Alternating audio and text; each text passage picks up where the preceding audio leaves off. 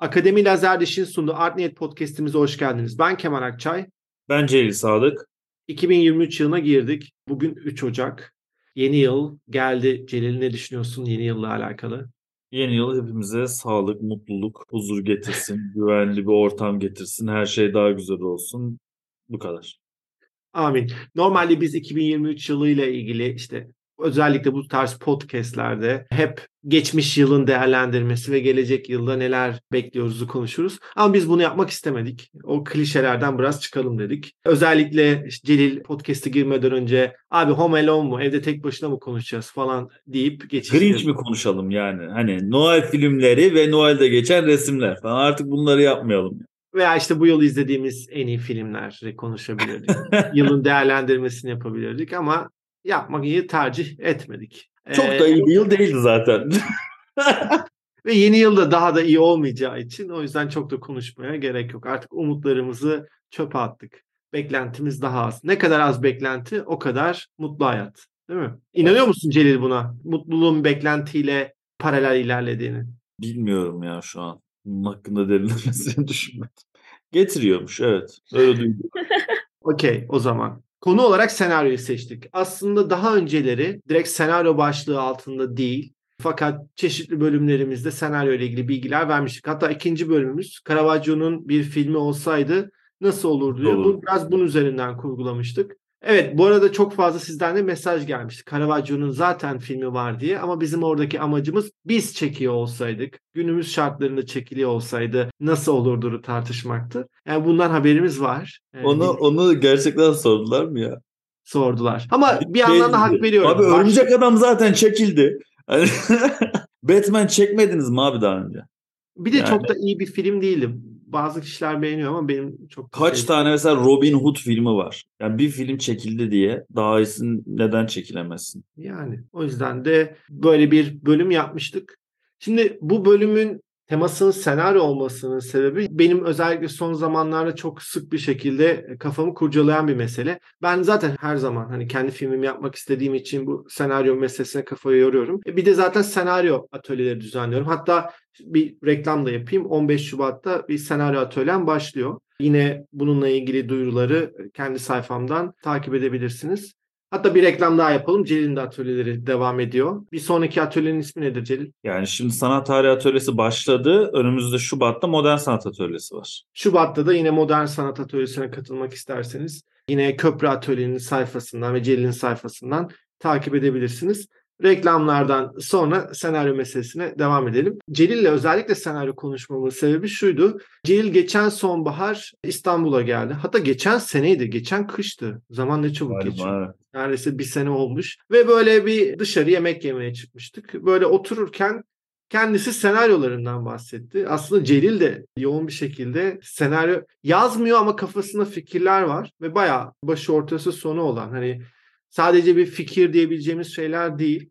Ama muhtemelen hani o zaman şimdi senin adına konuşuyorum. Birazdan pas atacağım Celil. Bu kısa süreç içerisinde son 3-4 yılda 4 tane kitap çıkarttı. Başka bir yazıya odaklanınca da kendi fikirlerinize tabii ki zaman ayırmanız daha zor oluyor. Muhtemelen bunları o anlamda rafa kaldırmıştı. Ama bilmiyorum belki de bu bölümden sonra yine bir gaza gelip onlara bir çizik attırmaya başlarsın Celil. Ne diyorsun? Ya önce benim bir beşinci kitabı yazmam lazım. şey var önümde şu anda hakikaten dediğin gibi yazmak istediğim hani sanat tarihi kitapları var. Hele şu beşinci için inanılmaz heyecanlıyım. Çünkü hani konusu falan sürpriz ama çok ilginç bir konusu var. Hani şimdi mesela geçen çalıştım iki gündür mesela onu bile yazacağım diyorum yazmaya başlayamadım. Sadece işte bu şeyleri bitti hani hangi eserler alınacak, hangileri hakkında yazılar yazılacak falan o plan program kısmı bitti. Ama çok seviyorum yani o hikayeler uydurmayı, senaryolar yazmayı. Dediğin gibi yani hani böyle sadece fikir olarak kalmasındansa zaten eskiden yazıyordum bu arada. Bir tanesinde çok uzun yani 10 yılı aşkın bir süredir yazdığım bir şey vardı. Ve daha sonra böyle o kadar uzun zaman önce bıraktım ki yazmayı. Şimdi onlar nerede bile bilmiyorum. O yüzden ya bunların hepsini tekrar derleyip yazacağım ama bunlar hani biraz kitaplardan sonra böyle biraz daha kafam rahat olduğu zaman yazmak istiyorum. Bu, bu da hani illa ki hani bir yerde de yayınlansın işte filme çekilsin okunsun diye değil hani bana iyi geldiğini zaten sana söylemiştim. Hani böyle başka bir dünyaya gitmek işte hani filmleri niye izliyoruz diyorsun ya sana başka bir karakter olmak işte hani o ay hayatı deneyimlemek. O senaryo yazmak ya da böyle hikayeler yazmak da onun gibi bir şey zaten. Bunlar senaryo olarak değil de bir roman olarak da çıkabilir. Sonuçta kitap yazma ritmine de alıştığım için. İşte bu kısmı çok önemli. Şeyi kaçırıyoruz. Birçok insan film yapmak istiyor ama neden yapmak istediğinin farkında değil. Yine bu şeye dönebiliriz buradan. Hani özellikle bu soru sana çok fazla geliyordur Celil. Neden sanat yaparız? Bir sanat tarihçisi olarak. Ben bunu sadece sinema üzerinden aslında ele alıyorum ve bu soruya ben de kafa yoruyorum. Hatta kendimle alakalı da ben neden film yapmak istiyorum deyip en yakın kendime bulduğum cevap şu oldu. Benim bu hayatla ilgili bir derdim var ve ben bunu dışa vurmak istiyorum. Ve bu dışa vurduğum şeyi en iyi sinema aracılığıyla anlatabileceğimi düşünüyorum. Keşke edebiyatı kullanabilsem. Çünkü bir film çekmek gerçekten milyonlara ihtiyaç duyuyorsunuz. Çok ciddi bir organizasyona ihtiyaç duyuyorsunuz. Ve çok uzun yıllara yayılan bir süreç olduğu için beklemeniz lazım. Bu motivasyonu herkesin bulması kolay değil. Ama roman yazmaya başladığınızda oturuyorsunuz, kağıdınız ve kaleminiz var ve yazıyorsunuz. Bu açıdan güzel. O yüzden bu önemli olan aslında bir derdiniz var ve bunu bir insanlara aktarmak istiyorsunuz. Bu yüzden de sanatı kullanıyorsunuz. Hangi aracı kullandığınız aslında kişiden kişiye değişiyor. Bunun yanı sıra şu iki önemli soru var. Bir, bu hikayeyi ben neden anlatıyorum? Bu dert meselesi üzerinden.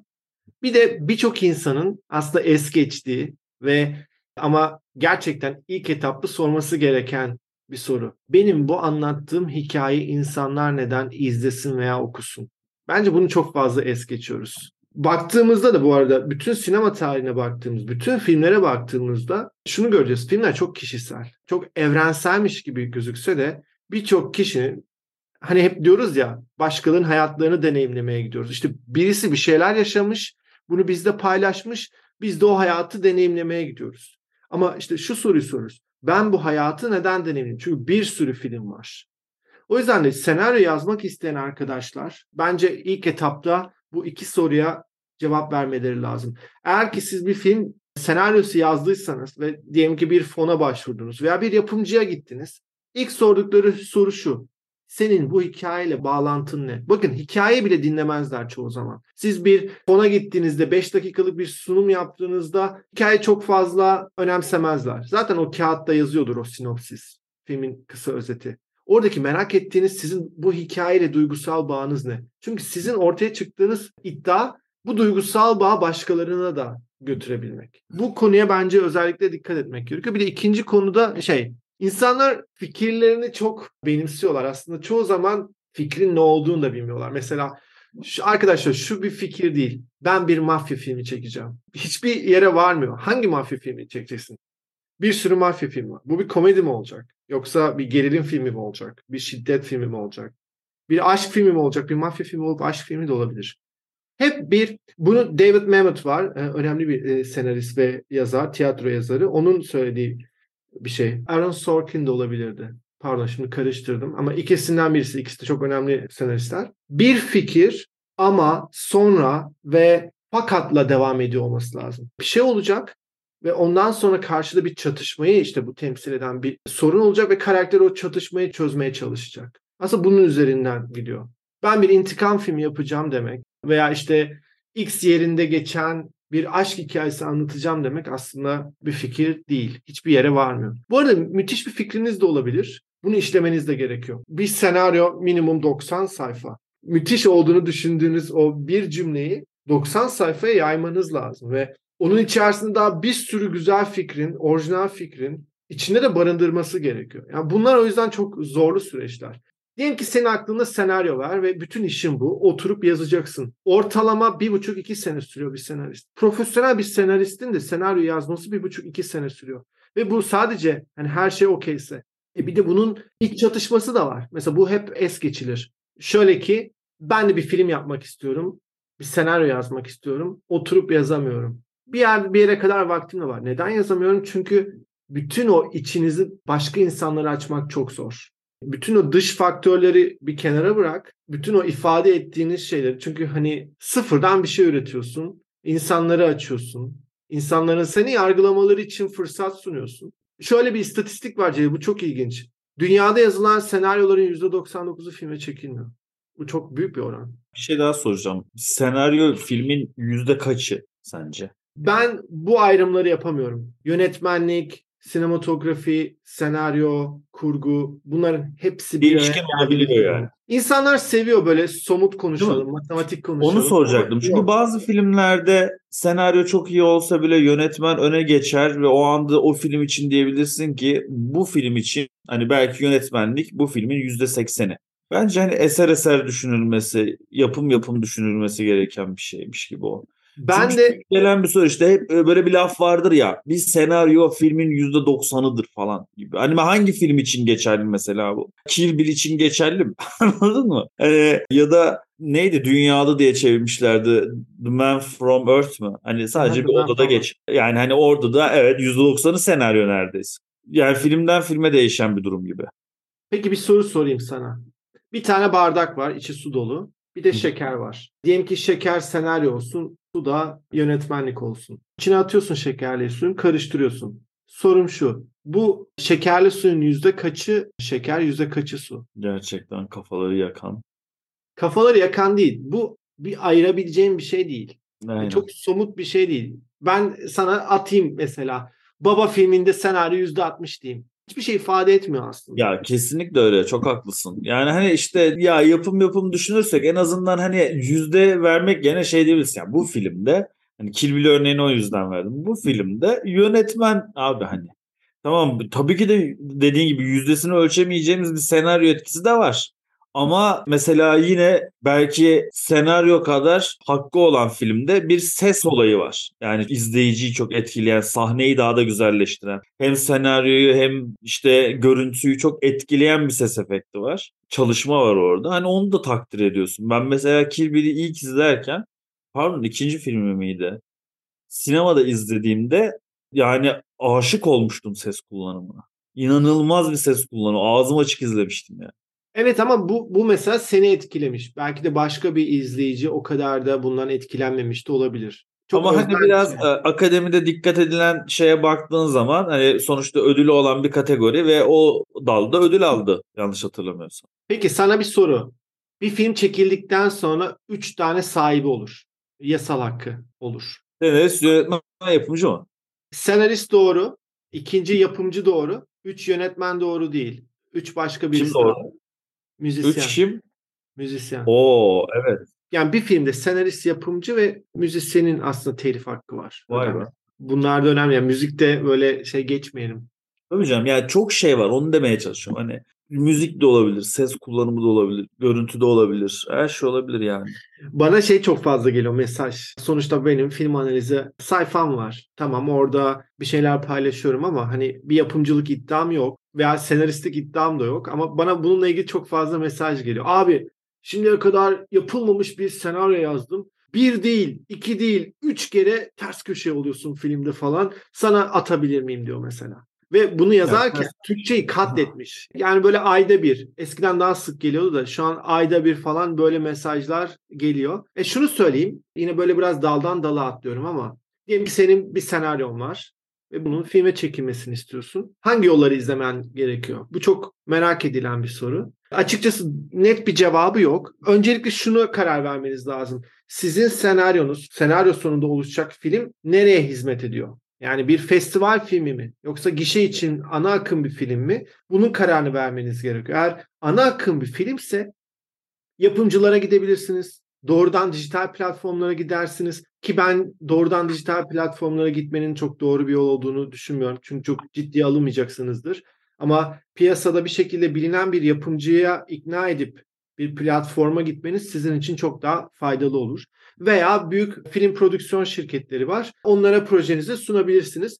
Öncelikle randevu almak çok zor. Randevu alsanız da sizi dinlemeleri çok zor. Öncelikle siz yolluyorsunuz fakat o okundu mu okunmadı mı çok bilinmiyor. Özellikle daha önce bir iş yapmadıysanız ciddiye alınma şansınız çok kolay değil. Ama yine de şansınızı devamlı zorlamanız gerekiyor. Festival ayağı biraz daha kolay. Öncelikle Kültür Bakanlığı'na başvuruyorsunuz. En azından Kültür Bakanlığı'na başvurmanız sizin için büyük bir avantaj. Oradan kazanırsanız önünüz bayağı açılıyor. Ama kazanamazsanız da daha farklı fonlarla yine şansınızı deneyebiliyorsunuz. Birçok film fonu var. Oralara başvurup hem yurt içinde hem yurt dışında filminizi fonlamaya çalışıyorsunuz. Onun dışında da yine böyle filmlere para ayıracak yapımcılar var. Onlarla konuşuyorsunuz. Sadece senaryo yazdıktan sonra işiniz bitmiyor. Gerçekten 20 yıl boyunca. Bu örneği hep veriyorum. The Favorite, Sarayın Gözdesi filmi. 2018 yapımı. İlk senaryo 98 yılında yazılıyor. Ama filmde bir lezbiyenlik teması var. Filmin ana üç kahramanı kadın. O yüzden o 90'ların dünyasında çok fazla yer bulmuyor. Kadın ama vazgeçmiyor. Bu arada şey, kendisi bir senarist değil. Senaryo kursuna gidiyor. Fakat o süreçte bu senaryosunu yazıp bir yapımcı buluyor. Daha sonrasında 2010 yılında ünlü yönetmen Yorgos Lantimos bu senaryoyu satın alıyor. 12 sene sonra. Fakat bir sürü eksiği olduğunu düşündüğü için başka bir senariste götürüyor. Bu senarist de bir sürü çalışma yapıyor. 2018 yılında ancak filme çekilebiliyor. 20 yıl Celil. Ama 20 yıl sonra Oscar kazanıyorlar senaryo dalında. Düşünsene sen senaryo yazıyorsun ve umutsuzsun.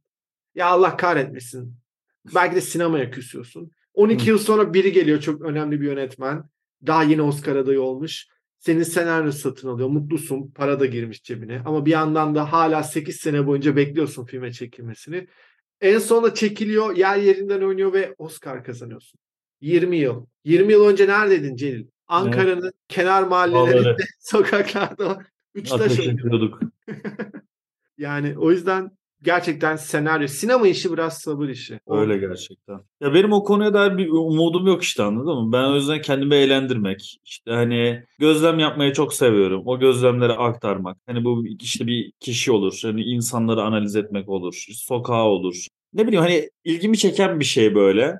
O yüzden hani yazmak rahatlatıyor. Biraz kafayı o dünyaya atmak rahatlatıyor. İşte mesela hani dedin ya bir şeyin dışa vurumu. İşte bu hayatta belki veremediğin tepkileri orada verebiliyorsun. Ya yani benim için böyle bir rahatlama alanı gibi bir şeydi bir zamanlar ama çok yoğun iş temposu nedeniyle yapamadım. Şimdi yaparsam mesela hakikaten hiç senaryo ya da film olarak düşünmem. Hani daha çok şu an şeye yakınım yani. Direkt kitap olarak yazarım yani. Yani okuyan alır, okur, beğenir. Beğenmeyen beğenmez. Bazen Öyle. kafanda çekmek seni rahatlatıyor değil mi? Evet kafamda çekiyorum. Sahneleri tek tek falan düşünüyorum. Yani hani hatta sık sık gün içinde bile hala yapıyorum. Her gün hem de yani. Bu şey sadece dediğim gibi o rahatlatma yüzünden. Hani böyle her gün düşünüyorum ve ben de 20 yıl sonra Oscar almak istiyorum değil anladın mı? Yani yok hiç öyle bir hayalim yani. Olsa güzel olur ama bir Oscar alsan. Ya olsa hayır demem ama diyorum ya hiç şey yaptığım bir şey değil. Hani hiç o umutla baktığım, oralara gitmesini çok kişisel bir şey yani benim için. Şeyi merak ediyorum. İlk Oscar'ı hangi Türk alacak? Merak ediyorum. Daha çok var. 300 yıl sonra falan bekliyoruz. O zaman da Oscar iyice el ayağa düşer zaten anladın mı? Ya ben o kadar uzun olacağını düşünmüyorum. Yani... Biraz da geyik yapıyorum çünkü kendimizi hep küçümsüyoruz. Zaten hep kendimizi küçümsediğimiz için bir şeyleri o çamurda debeleniyoruz gibi bence. Kendimizi küçük görüyoruz ya da etrafımızı küçük görüyoruz yani. Hani birine gidiyorsun diyorsun ki ben işte film akademisi yapıyorum ya da işte şey yapıyorum yönetmenlik yapacağım diyorsun. Diyor ki git sigortalı iş bul. Hani bizim mantığımız bu ya. Yani ne yapacaksın yönetmen olunca bilmem ne ya da işte ben sanat dersim yazarım deyince karın mı doyar falan. Yani ailenin içinde bile yaşıyorsun anladın mı? Git sigortalı bir iş falan filan herkes bir sınır koyuyor. Komşusuna da sınır koyuyor, kendisine de sınır koyuyor. O yüzden hani biz de böyle geyik yapınca hani biraz yüzeysel oldu diye açma gerekiyor. Çünkü öyle bir linç kültürü var ki hani yaptığın bir geyik aslında hiç öyle düşünmesen bile bir şaka yapabiliyorsun konu hakkında ve garip grup tepkiler gelebiliyor. Yani dedim ya mesela 200-300 yıl. Bu aslında onun ironisi. Yani çünkü biz hep kendimizi o şeyde görüyoruz. Gidemeyiz, edemeyiz. Bence Oscar'dan daha prestijli bir ödül Cannes Film Festivali'nde Nuri Bilge Ceylan gerekeni yaptı zaten. Yılmaz Güney de aldı zamanında. Yılmaz Güney de aldı zaten. Yani daha prestijli bence. Hani film takip eden, seven, izlemekten keyif alan insanların da hani bununla daha çok gurur. Ya Oscar biraz daha şey belki bu söylediğim de biraz şey olacak abartı olacak ama Oscar neyi tatmin ediyor biliyor musun? Aile ve Müslüm'ün yapımcılarının filmlerini çok sevenleri tatmin edecek bir Ama şey. ona da ihtiyaç var işte. Yani sadece evet kesinlikle Kanda veya işte Altına Yalan filmlerimiz var. Bal filmi mesela Semih Kaplan'ın evet. kazandı. Evet o güzel bir şey. Bu arada şunu ekleyeyim. Gerçekten de çok az filmimiz o festivallerde finalist oluyor. Hani kazanmayı geçtim. Aslında çok daha fazla oralarda olmamız lazım. Ama bir yandan da hepimizin takip ettiği bir ana akım sinema var ve o ana akım sinemada da özellikle nitelikli filmlerin ortaya çıkmasını istiyoruz. Bu bu arada ille de Oscar almasına gerek yok veya işte yabancı Ya bu Türk filmi izlerken keyif almak istiyoruz. Hep mafya senaryosu olsun istemiyoruz ya. Her film içinde yani, mafya olsun istemiyoruz. komedi olsun istemiyoruz. Millet zart zurt ostursun, geğirsin istemiyoruz sürekli mesela. Ya da hani gerçekten görüyorsun abi para harcanmış, güzel oyunculuklar var ama hani böyle bir şey hep eksik. Bazen bizim uyarlamalarımız falan iyi oluyor. Bilinen senaryoları alıp şey yapmak falan. Ya izlemekten keyif aldığım bir film vardı. Tamam mı? Cebimdeki Yabancı diye bir Türk filmi. Kadrosu falan da çok iyiydi. Yani oyunculuklar çok başarılıydı falan ama hani Lan dedim filmin yarısında o kadar iyi akıyor ki filmin ritmi falan benim hoşuma gitti yani ben beğendim. Bakıyorum film akıyor. Lan dedim senaryoyu kim yazmış acaba? Baktım abi uyarlamaymış. Atıyorum hani Kanada filminden mi bir Amerikan yapımından mı tam hatırlamıyorum Amerikan bilmiyorum. Amerikan yapımıydı galiba. Bir baktık uyarlamaymış mesela. Zaten olan bir filme uyarlamışız. Güzel uyarlamışız. Demek ki aslında gerçekten belki iyi bir senaryo olsa olacak gibi ya da bilmiyorum. Sen ya değil, şunu eklemek istiyorum. Yani bizim bu ülkede yaşayan insanların zekası ile ilgili en ufak bir veya artistik veya estetik kaygıları ile ilgili en ufak bir benim soru işaretim yok. Şöyle bir örnek evet. vereyim. 1990 yılında en iyi yabancı dalda Oscar kazanan filmin ismi Umuda Yolculuk. Bu Hı. arada gerçek ismi de Umuda Yolculuk. İsviçreli bir yönetmen Javier Koller çekiyor. Ve senaryoyu Feride Çiçekoğlu, Şerif Gören ve Javier Koller birlikte yazıyorlar. Filmdeki oyuncuların çok büyük bir kısmı Türk. Türkiye'de yaşayan bir ailenin, fakir bir ailenin İsviçre'ye yaptığı yolculuğu anlatıyor film aslında. Gerçekten çok da başarılı bir filmdir. E tamam işte bayağı Türkler katkı vermiş ve orada Oscar kazanmış. Ama neden mesela yönetmeni Türk değil? Çünkü bir organizasyon, bir para eksikliği, belki vizyon eksikliği. Hani bu eksikliklerden yoksa bizlerde çok iyi senaristlerimiz var, çok iyi yönetmenlerimiz var, potansiyel doğru var. Doğru zamanda hepsi doğru yerde toplanmıyor. Ya mesela şey gibi bu futbol takımı gibi aslında. Yani işte bütün oyuncunun hani şey diyorlar ya şampiyon oluyorlar tamam mı? Genelde yaptıkları açıklama nedir abi? Evet şampiyon oldunuz ne hissediyorsunuz?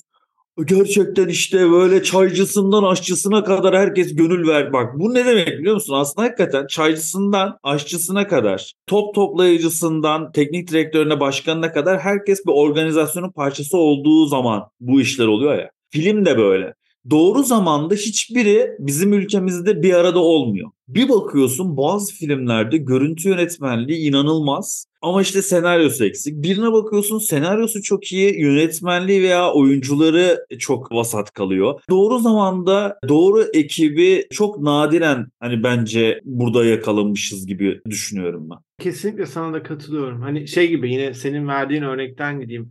Aynı futbol takımı bir yıl çok başarılı oluyor, ertesi yıl başarısız oluyor. Evet. Aynı takım neredeyse. Dediğin gibi o huzur ortamı vesaire. Evet organizasyon ya bir endüstrimiz yok her şeyden önce. En büyük dezavantajı bu. Bilmiyorum ama hani çok fazla yurt dışına dizi sattığımız için iyi bir para girişi var sektöre. Ee, bu da bir noktaya kadar nitelikli filmlere de kayıyor. Ben gelecekle ilgili bu açıdan umutluyum. Onu da söyleyeyim. Hani o kadar karamsar değilim. Türk sinemasının Yıllar geçti. Ben de, ben de umutluyum yani. Hani dediğim gibi orada bir öyle hani geyik yaptım diye e, yanlış anlamayın. Yok. Ama şey var mesela son bu Kurak Günler filmindeki işte sansür olayını tekrardan düşündüğümüzde daha özgür sinema yapmamız gerekiyor. Yani böyle baskılarla uğraşmamamız gerekiyor.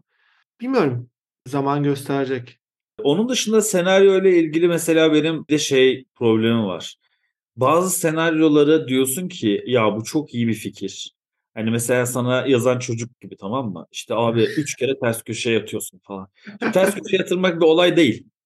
Ama evet. bazı filmleri izliyorsun tamam mı? Senaryoda da bütün parçaların hakikaten uyumlu olması gerekiyor ya. Filmdeki fikir çok iyi. Senaryonun gidişatı çok iyi. Ama o kadar kötü replikler var ki mesela. Bu ister istemez hani oyuncuyu bile etkileyen bir şey ya kötü yazım ama fikir iyi. Bazısında fikir çok kötü olur.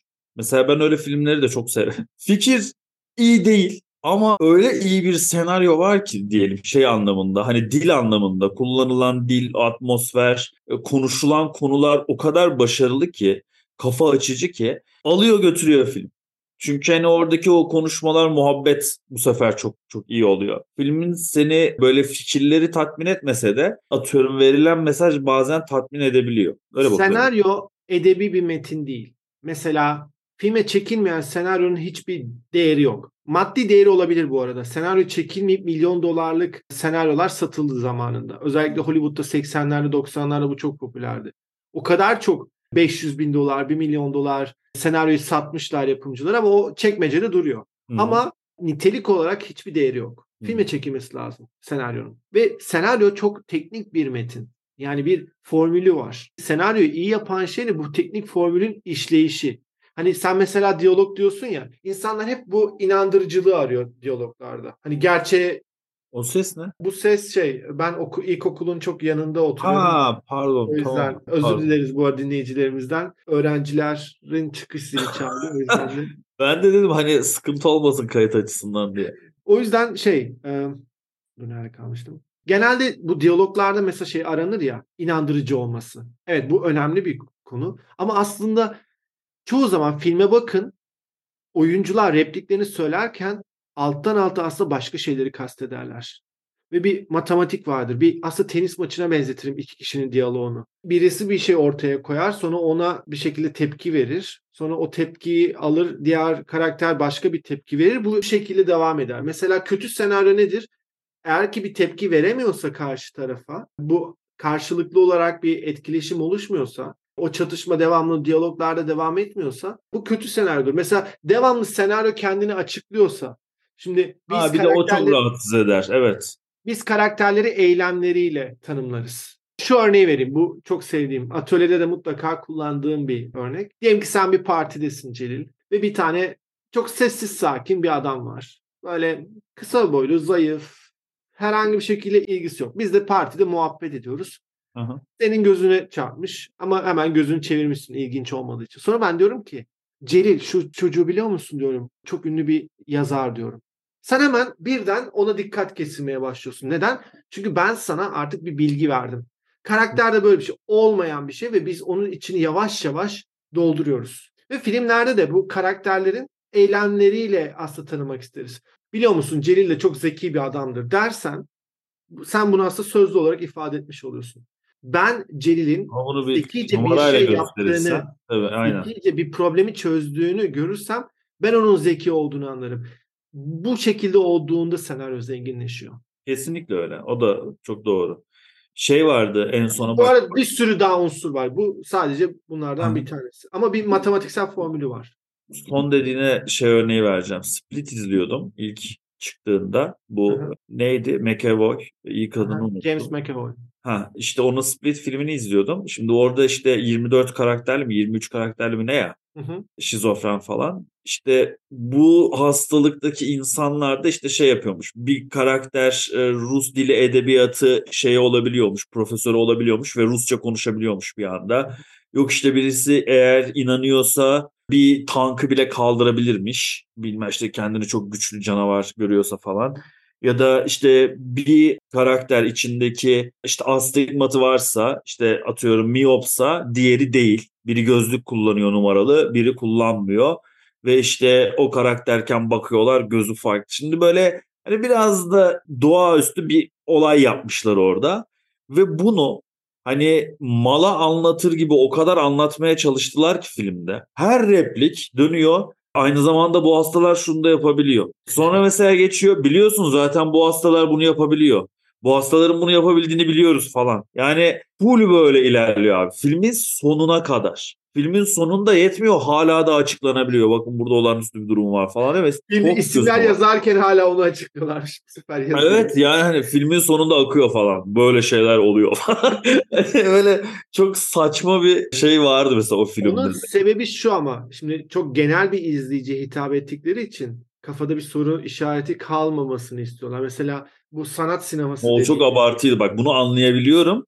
İlk 2-3 defa yapıldı. Dedim ki tamam bundandır. Ama 13. defa da artık şey diyorsun yeter anladık. Tamam Beni bunu salak yerine koyuyorlarmış. gibi. Evet salak yerine koymuş. Dediğin gibi o belki bir hareketiyle gösterseler. E, gözlüğü hani örümcek adamın bir sahnesi vardı ya gözlüğü takıp çıkarıyordu falan. Hani bir karakter de onu yapıp diğer karakter de onu yapsa mesela bunu çekmeye üşenmişler anladın mı? Abi işte buraları keselim. Diyelim ki işte bu hastalar böyle böyle yapabiliyor. Hani her seferinde bu örneği tekrar edelim falan gibi. Bu arada sponsorumuza bir kere daha teşekkür ederim. Akademi Lazer Diş'e. Kendilerinin polikliniği e, İstanbul'da, Kozyatağı'nda. Yine Spotify'da açıklamalar kısmına adresi ve internet sitesini paylaştık. Herhangi bir şekilde dişle ilgili bir sıkıntınız olursa kendileri ivedilikle müdahale edip sorunuzu çözeceklerdir. Niye gülüyorsun Celil? Ya abi konuya bir anda dalman. Akademi lazer dişini sundu. Yani alışık değiliz. Bu arada dinleyiciler de gülüyorlar emin ol. Sen başladığın zaman gülüyorlar. Çünkü hani alışık değiliz. 60 küsür bölümdür böyle bir şey yok. Konunun en alakası yerinde. Ee bu arada akademi lazer diş. Bunları unutmayın falan diye. Böyle giriyoruz ya komiğime gidiyor ya. Çok ani giriyoruz çünkü. Evet senaryoda da böyleydi Faşlı. Çok kusurlu bence. Evet akademi Senaryo ile Reklamların bağlı. time şeyini tam yani o zamanlamasını çok uyduramıyorduk. Ya senaryo ile dişi nasıl bağlarız? Bu polikliniği nasıl bağlarız? Onu çok e, tutturamadık. şey var mesela senaryo ile ilgili başka karakter yaratmak da çok büyük problem. Mesela senle onu konuşmuştuk mesela ben Caravaggio'da çok konuşmuştuk galiba. Yoksa senin- Caravaggio'da da konuşmuştuk. Ha, yemekte. Kadıköy'de yemekte de çok konuşmuştuk. Yani atıyorum bazı karakterleri çok rahat işte güçlü yazabilirken bazen hiç yazamıyorum. Hiç beceremiyorum bazı durumları falan. O çok zorluyor beni mesela. Yazmaktan soğutuyor. Bir anda hani diyorum ki acaba sadece şey gibi tek bakış açısı. Hani sadece bir karaktere mi yoğunlaşsam? Hani sadece her şey bir karakterin üstüne mi dönse?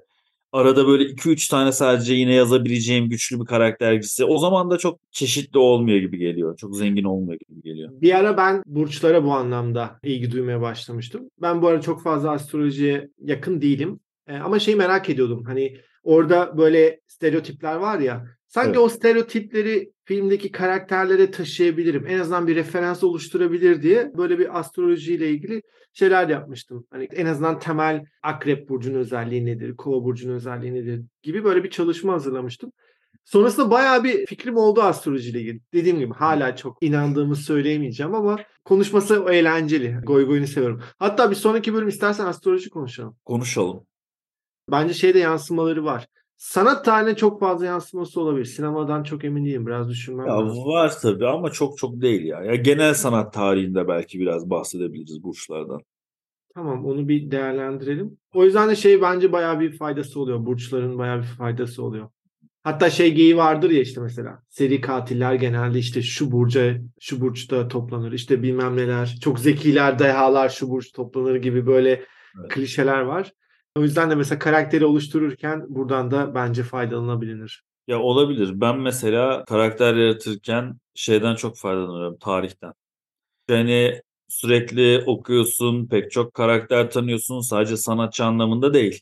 Aynı zamanda bir de imparatorlar, soylular, işte o eserleri sipariş eden insanlar, onların hayatları, yaşadıkları bunlar çok ilham olabiliyor. Bazı izlediğim yapımlarda da sanki diyorum ki aa sanki buradaki tarihi olayı hani biraz değiştirerek senaryoya sunmuşlar ve bunu gerçekten yapıyorlar. Tarihi yapımlarda zaten yapıyorlar ama böyle fantastik diyebileceğimiz şeylerde de onu çok görüyorum yani. Mesela Game of Thrones'ta deli gibi vardı. Gerçek tarihi ki George Martin de hani yazarı da bunu söylüyor. Tarihi çok okuyorum ve tarihten çok esinleniyorum diye. Gördüğün oradaki işte savaşlar gerçek savaşlardan esinleniyor ya da saray entrikalarına mesela bakıyorlar. İşte oradaki saray entrikalarını yapımına uyarlıyor.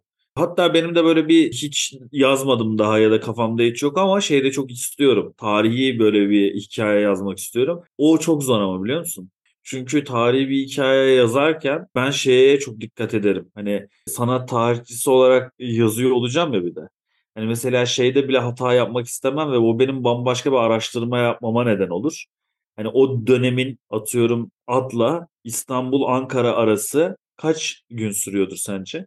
Ya mesela hikayede bunları vermeyebilirim ama ben biraz böyle detaycı da anlattığım için hani böyle bilgiler vermek isterim anladın mı? Mesela bir yemek yedikleri zaman o dönemin yemek alışkanlıklarına göre bir sofra anlatımı yapmak ihtiyacı duyarım. Kılık kıyafet onların yani anladın o o dünyanın detaylarını düzgün bir şekilde vermek isterim. Bu arada İstanbul-Ankara arası Osmanlı kayıtlarına göre 12 gün sürmektedir. Atla tırıs gidişte. Vay be. Ankara'ya gitmemek için güzel bir bahane. Bence güzel.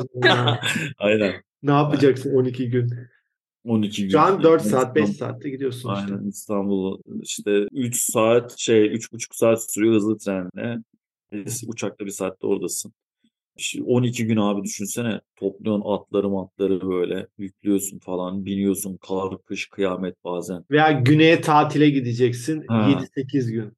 Ondan sonra güneye tatile gitme diye bir şey yoktu o zamanlar. Tatile Ama o gitme- zamanlarda İstanbul'da mesela Suadiye yazlık mekan olarak geçiyor. ama ne kadar falan. ne kadar ne kadar eskiye baktığına bağlı o. 50-60 yıl. Sen çok yakın tarihten bahsediyorsun. Ben Osmanlı ben 1400'lerden 1500'lerden bahsediyorum. Düşün o zamanlar daha da tatil yeridir buralar. Ya Hatta işte ama daha işte da- tatil zihniyeti yoktu. O emperyalizmin bir getirdiği başlattığı bir şey. Yani vardı. E şöyle söyleyeyim. 50-60 yıl önce vardı. Soylular yapıyormuş eskiden de. Böyle turistik yerlere ziyaretler, turistik yer, özellikle herkes- İngilizlerde falan çok var. Aa, Aa, dur, yolculuk, gezi filmleri, tatil şeyleri konuşabiliriz biz.